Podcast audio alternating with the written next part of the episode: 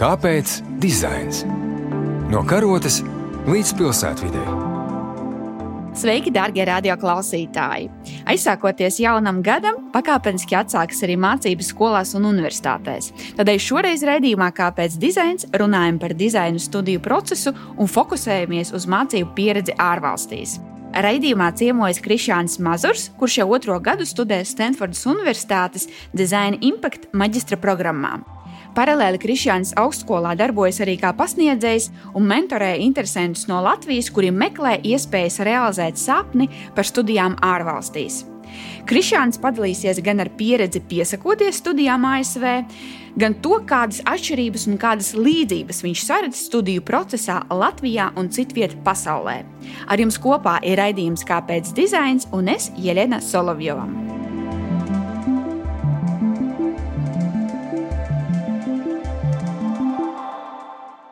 Jēna, paldies, ka uzaicinājāt mani uz raidījumu. Es noteikti esmu fans tam, ko jūs darat. Mani sauc Krišāns Mazurs, un es esmu otrā kursa maģistratūras students Stanfordas Universitātes dizaina programmā. Un pirms Amerikas es pāris gadus strādāju Latvijas Mākslas akadēmijā kā pasniedzējs, kur es pasniedzu divus priekšmetus par zīmolu dizainu un portfolio dizainu. Un ar pāris draugiem mēs izveidojām aplikāciju, kas palīdz cilvēkiem ātrāk, ērtāk un lētāk apgūt ceļu satiksmes noteikumus. Es biju arī viens no dibinātājiem divām zīmola stratēģijas un zīmola dizaina studijām, kas principā atbild uz jautājumu, kas zīmoliem jādara, lai viņi būtu veiksmīgi un kā to praktiski izdarīt. Un pirms tam es sāku savu profesionālo karjeru Ņujorkā, kur es strādāju zīmola stratēģijā. Un manas profesionālās un akadēmiskās intereses ir saistītas ar to, kā dizains var palīdzēt atstāt pozitīvu iespaidu uz cilvēku dzīvi, kas lielā mērā arī ir tas, ko es mācos Stanfordas Universitātē. Vai tu mums mazliet vairāk vari izstāstīt par to, kā tu pieņēmi šo lēmumu, kāpēc eh, tieši šī universitāte, un vai tu izskatīji arī kādas alternatīvas mazliet tuvāk mājām, piemēram, Eiropā? Jā, patiesībā tam noteikti bija vairāk iemeslu. Personīgā līmenī man vienmēr ir bijusi tāda zināma fascinācija ar Ameriku un amerikāņu angļu valodu. Es vidusskolā kādu laiku mācījos Amerikā un pēc tam arī strādāju Ņujorkā un tādā man līdz galam nesaprotamā veidā jutos tur ļoti piederīgs. Un profesionāli arī tas dizaina veids, kas man interesē, tas principā radās Amerikā, konkrēti tieši Stanfordā. Tā kā tas man likās ļoti interesanti, un um, patiesībā es par šo jautājumu domājot, sapratu arī, ka es laikam īsti tādas opcijas mācīties Eiropā nemaz neizskatīju, lai arī, protams, Eiropā arī ir visādas interesantas vietas. Vai tu vari īsi mazliet arī paskaidrot, ko tu domā ar dizaina veidu, ko tu piemini, ka tas ir radies tieši tur? Jā, Stanford ir angliski tā saucamā D-school, jeb Stanfords dizaina skola ir zināma ar to savu dizaina domāšanas pieeju, un salīdzinot ar Latviju. Tā dizaina pieeja viņam ir stipri atšķirīga, kāda ir Latvijā. Mēs šeit Latvijā dizainu lielākoties cilvēki saprot, kas ir vairāk saistīts ar tēlotāju mākslu, ar vēsturiskajiem iemesliem saistīts. Savukārt šeit dizains ir vairāk tāda sistēma domāšana, un dizains arī atrodas akadēmijā, mehāniskās inženierijas departamentā. Tad, attiecīgi, tās ir tās divas pilnīgi dažādas pieejas dizainam.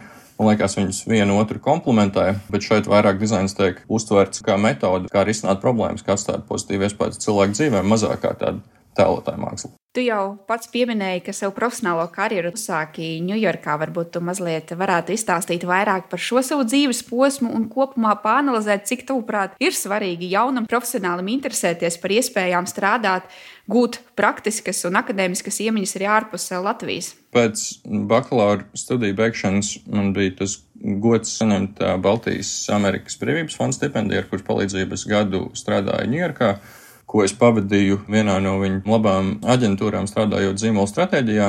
Tā noteikti bija unikāla pieredze, un es domāju, ka lielā mērā viss, ko es darīju pēc tam, bija kaut kādā ziņā sasaistāms ar manu pieredzi tur. Patiesībā par mācīšanos strādāšanu ārzemēs vai starptautisku pieredzi kopumā es lasīju pētījumu, kas norādījis to, ka bilingvāliem, multilingvāliem cilvēkiem, proti cilvēkiem, kas runā vairāk kā vienā valodā, ir raksturīgs atkarībā no tā, kādā valodā viņi interaktē ar cilvēkiem, viņiem mainās arī viņu uzskati, vai tie būtu personīgi uzskati vai politiski uzskati, morāli uzskati.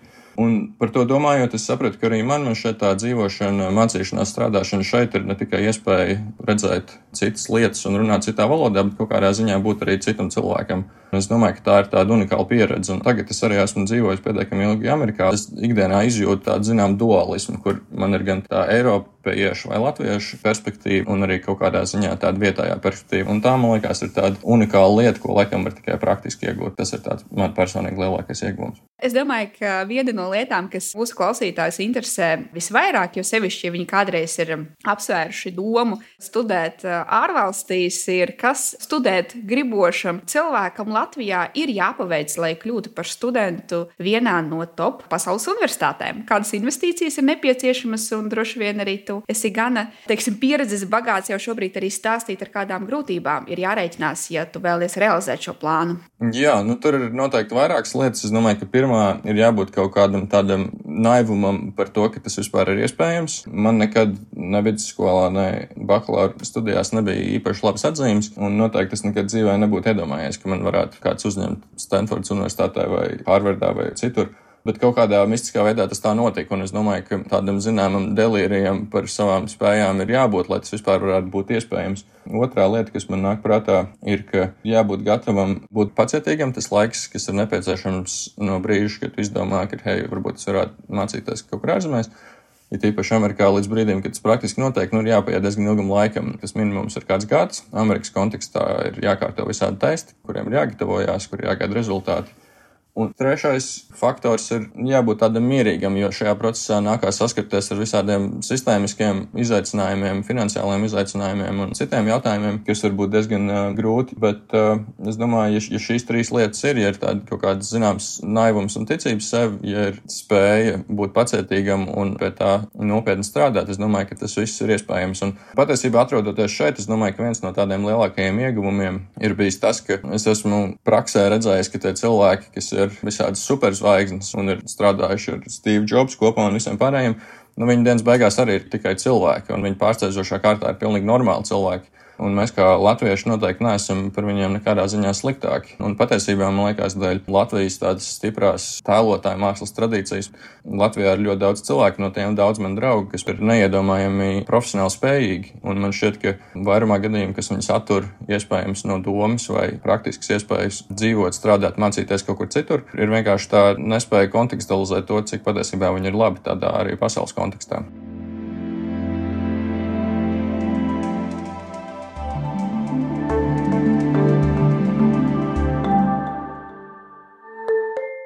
Viena lieta, ar ko ir jāsaskarās cilvēkiem, kas vēlās mācīties Amerikā, ir tas, ka mācības Amerikā vismaz nu, globāli un tīpaši pēc Latvijas standartiem ir ļoti dārgas. Man šeit ļoti interesanti tas, ka tās atbalsta iespējas, kas Latvijā pastāv, cilvēkiem, kas vēlās mācīties konkrēti ASV, nav valsts sponsorētas programmas. Tās ir vai nu Fulbright stipendija, kas ir Amerikas valdības stipendija vai tās ir kādas privātas atbalsta iespējas un stipendijas. Un vēl jau vairāk arī studiju kredīti, ko Latvijas valsts šobrīd piedāvā, manuprāt, ir ļoti labi, ja cilvēks vēlās mācīties Latvijā vai kā minimums varbūt Eiropā. Bet uh, priekšmācībām Amerikā tās iespējas ir stipri limitētas, un arī kā manā gadījumā, ņemot uh, maksimālo šobrīd pieejamo studiju kredītu, tas nosacīs tikai nelielu daļu no skolas izmaksām.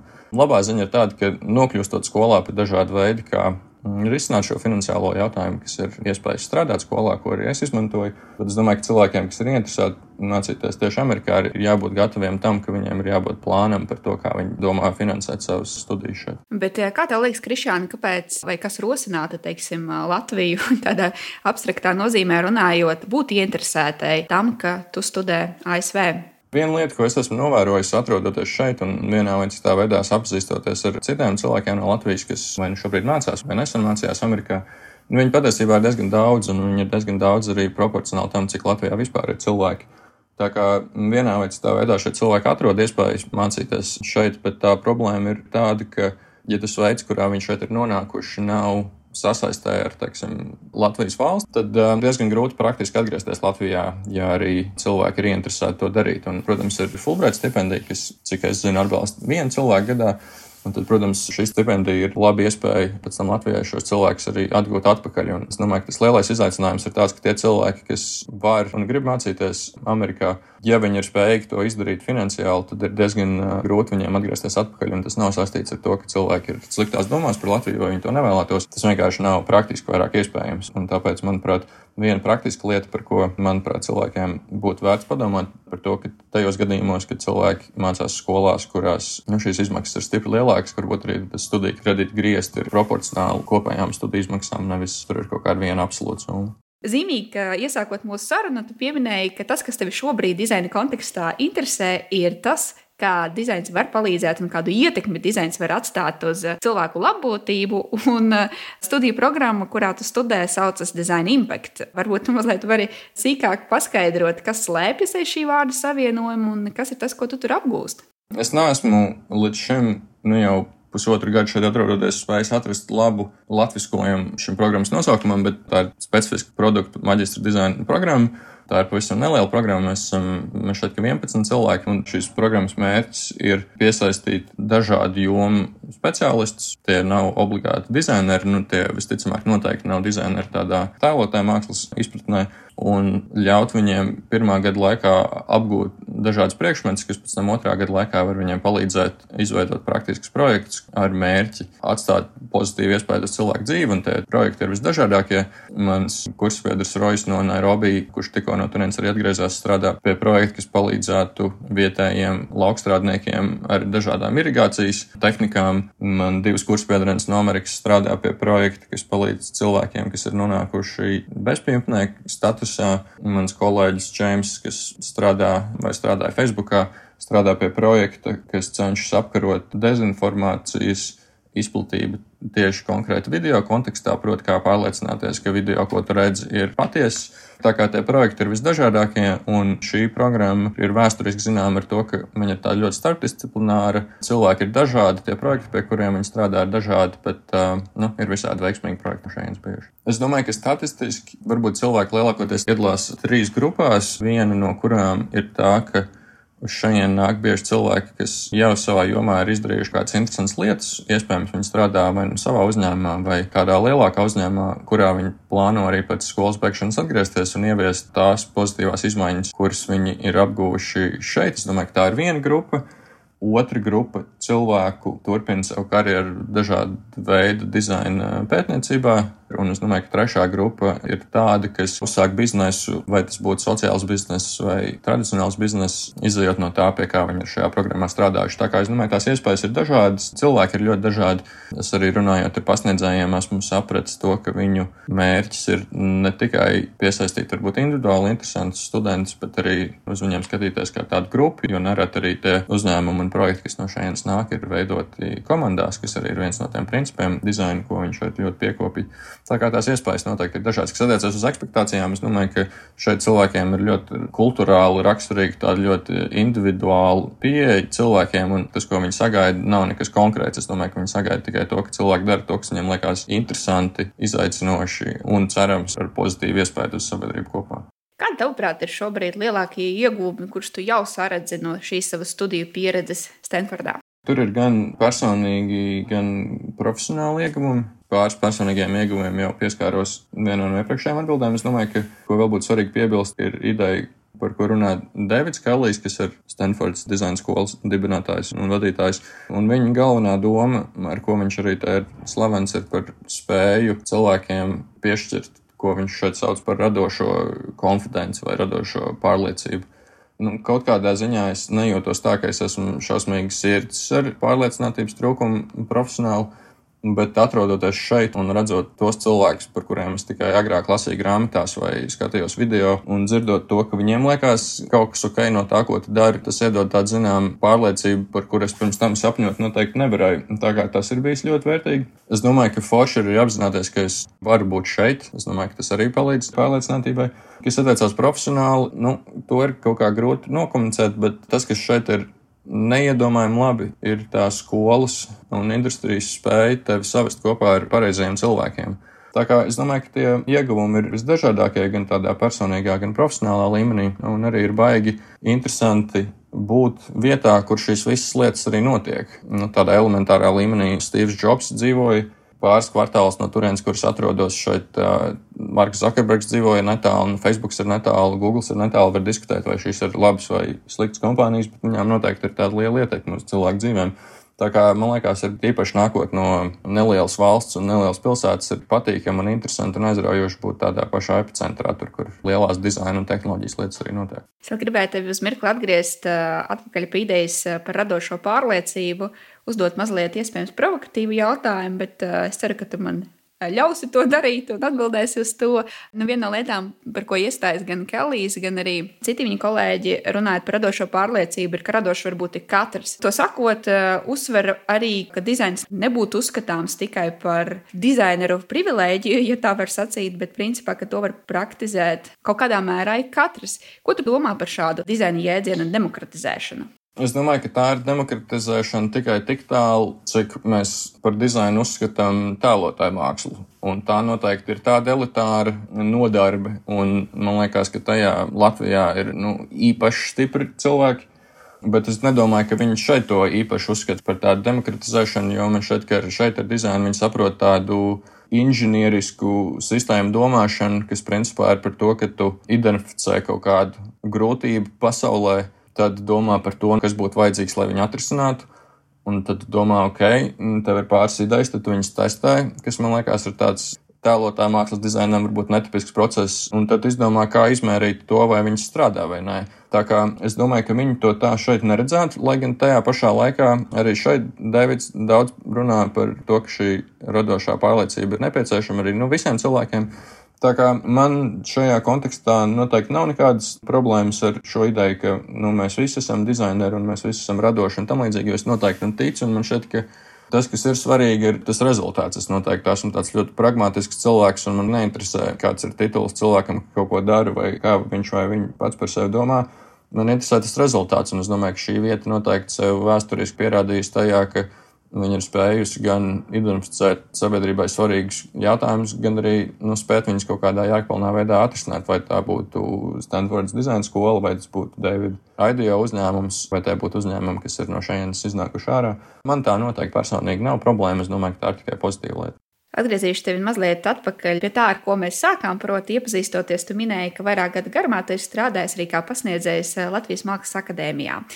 Un tostarp arī uzsvēri, ka studējot Stanforda piedāvā kā vienu no iespējām, kas palīdz atrisināt potenciālās finansiālās grūtības ir eh, darboties pasniedzēju lomā. Lūk, līdz ar to tev ir gana plaša pieredze dažādās pasaules malās pasniedzot eh, cilvēkiem kaut ko, kas ir saistīts ar dizainu. Es aicinātu tevi nedaudz pāanalizēt, padomāt, kādas līdzības un kādas atšķirības tu saredzi pieejās, kā mēs pasniedzam, mācam dizainu Latvijā un citviet pasaulē, tad, tad dizaina izglītībā kopumā. Tas ir labs jautājums. Man šķiet, ka tur ir gan tādas sistēmiskas, gan individuālas atšķirības. Es domāju, ka tādā sistēmiskā līmenī tas, ko noteikti noteikti šeit var novērot, ir, ka pasniedzēja vai profesora darbs ir pietiekami lukratīvs, pietiekami ienesīgs, kas nozīmē, ka cilvēki, kas ar to nodarbojās, ir spējīgi visu savu uzmanību un enerģiju tam veltīt kas, manuprāt, nav obligāta situācija Latvijā, kur cilvēki, ko es zinu, kas strādā vai no akadēmijā vai kaut kur citur, nu, praktiski visi, tomēr nodarbojās arī ar kaut ko citu. Un es domāju, ka tas nav saistīts tikai ar to, ka viņiem patīk tā darīt, bet ka vienkārši viņiem nav citas iespējas. Un es domāju, ka tā ir tāda pirmā fundamentāla atšķirība. Otra atšķirība, ko es esmu novērojis, ir tas, ka šeit ir tāda ļoti individuāla pieeja cilvēkiem. Un es teiktu, ka tā pasniegšanas pieeja ir tāda mazāk preskriptīva, bet vairāk deskriptīva. Ar to domājot, ka šeit cilvēki tev, man ļoti gribētos, lai tā būtu, bet viņi nevienā brīdī tev nesaka, kā tev vajadzētu darīt. Viņi tev rāda, kā viņi ir darījuši Viņi tev rāda visu kaut kādus piemērus, kas varbūt tev norāda vienā vai citā virzienā, par labu vienai vai citai pieejai. Viņi tev parāda, ka uzskata dažādību šajos jautājumos, un viņi ir tur, lai tevi atbalstītu tajā procesā. Savukārt man šķiet, ka tas varbūt neobligāti ir tas, kāda ir bijusi mana pieredze. Gan personīgi, gan pasniegšanas uztveres gadījumā, kur man ka bija tāda drīzāka izpratne par to, ka nu, rekur ir tas, kā ir lietas jādara, un šeit, manuprāt, viņiem ir tāda cita pieeja tajā kontekstā. Vēl tas, ko es esmu novērojis, ir, ka šeit pasniedzēji un profesori ir tādi ļoti familiāri. Ja nemaldos, tas ir tas vārds, ko es meklēju. Pirms pandēmijas mēs gājām pie Davida uz mājām pusdienās, tur runājāmies par lietām, nu, ko ir grūti iztēloties, varbūt darot tā Latvijā. Tā kā kopumā es domāju, ka tur ir tādas sistēmiskas atšķirības, kas vienkārši ļauj cilvēkiem visu enerģiju tam veltīt pie tam. Lielākoties tie pasniedzēji, kas nav no kādiem klasikas departamentiem, bet ir varbūt vairāk inženierijas un dizaina kontekstā, nu, viņi ir cilvēki, kas ir industrijā jau strādājuši. Viņi lielākajā vairumā gadījumā ir ļoti, ļoti turīgi cilvēki. un viņi to dara tādas personīgas motivācijas vadīt. Tās ir tās galvenās atšķirības. Nu, vēl kaut kādas tādas nelielas praktiskas lietas ir tas, ka šeit arī tā mācību gada uzbūve ir atšķirīga no tā, kā tas ir Latvijā, kur mēs Latvijā strādājam pēc semestru sistēmas. Savukārt šeit ir tāda ceturkšņa sistēma, kas ir 3, es neatceros, 12, 13 vai 14 nedēļu tāda sprinta, kur ir intensīva un tad ir pauze. Un tad um, man liekas, ka tur arī ir kaut kāda vairāk pozitīva ieguvuma tajā. Tā kā ir diezgan daudz patiesībā atšķirības starp Latvijas un varbūt Eiropas pasniegšanas sistēmām un šajienes. Un sakot, ka ceturksnis ir, teiksim, ērtāks, labāks formāts, ar to tu domā? Nu, dizainā man liekas ļoti raksturīgs ir tas, ja tev ir skaidrs kas ir tas, ko tu gribi izdarīt, tas ceļš tur ir tāds ar vairākiem elementiem. Un tad man šeit viņi ir vērtīgi Nevis uz viņu skatīties kā tādu vienu kopumu, ko gada vai divu gadu laikā mēģini izdarīt, bet ka tu viņus sadali pa daļām. Tas lielā mērā arī ir tās tā saucamās dizaina domāšanas viens no ieguvumiem, kas vispār to procesu, kurā mēģina radīt kaut ko, kas cilvēkiem ir vajadzīgs vai patīkams, to tā kā demistificē un sadala angliski saka tādās bite-size gabaliņos, nu, kurus tā kā pa vienam var sagrabot, tas viss kopumā izskatās pārāk grūti un sarežģīti, bet, nu, Ja tu spēj to sadalīt mazākos solīšos, tas uzreiz stipri vieglāk. Tas ir tas, ko es ar to domāju. Krišāna, vai ir kaut kas, ko mēs neesam pagūši izrunāt, bet tev šķiet, ka to būtu būtiski pievienot mūsu sarunai? Viena lieta, ko es vēlētos pieminēt, ir tas, ka nu jau kādu laiku es palīdzu cilvēkiem lielākoties no Latvijas, kas vēlās pieteikties mācībām ASV vai stipendijām ASV vai darbiem ASV. Tam nav jābūt obligāti saistītiem ar Ameriku. Un, ja nu gadījumā kādam cilvēkam šobrīd ir brīdis dzīvē, kur viņi vien apsver šīs lietas, vai jau ir procesā, vai viņiem ir kādi jautājumi, man nav īpaši sarežģīti atrast arī internetā, vai kādam ir nepieciešama palīdzība, vai tie būtu jautājumi saistībā ar dizaina studijām vai vispār studijām ārzemēs, vai par to, kā to finansēt, es noteikti ar prieku šiem jautājumiem atbildēšu. Varbūt tev ir kāds novēlējums tiem cilvēkiem, kuri apsver ideju studēt ārpus Latvijas? Es domāju, ka ja es varu, tad arī viņi var. Paldies, tev, Krišāņ, par šo brīnišķīgo sarunu. Bija patiesi prieks, un jā, paldies patiesi, ka tu dalies ar savu pieredzi, ar savām zināšanām. Tas ir super. Paldies, tev, Jeļana. Kāpēc dizains? No karotes līdz pilsētvidai pirmdien, 9.5. ar atkārtojumu sestdien, 18.18. 18.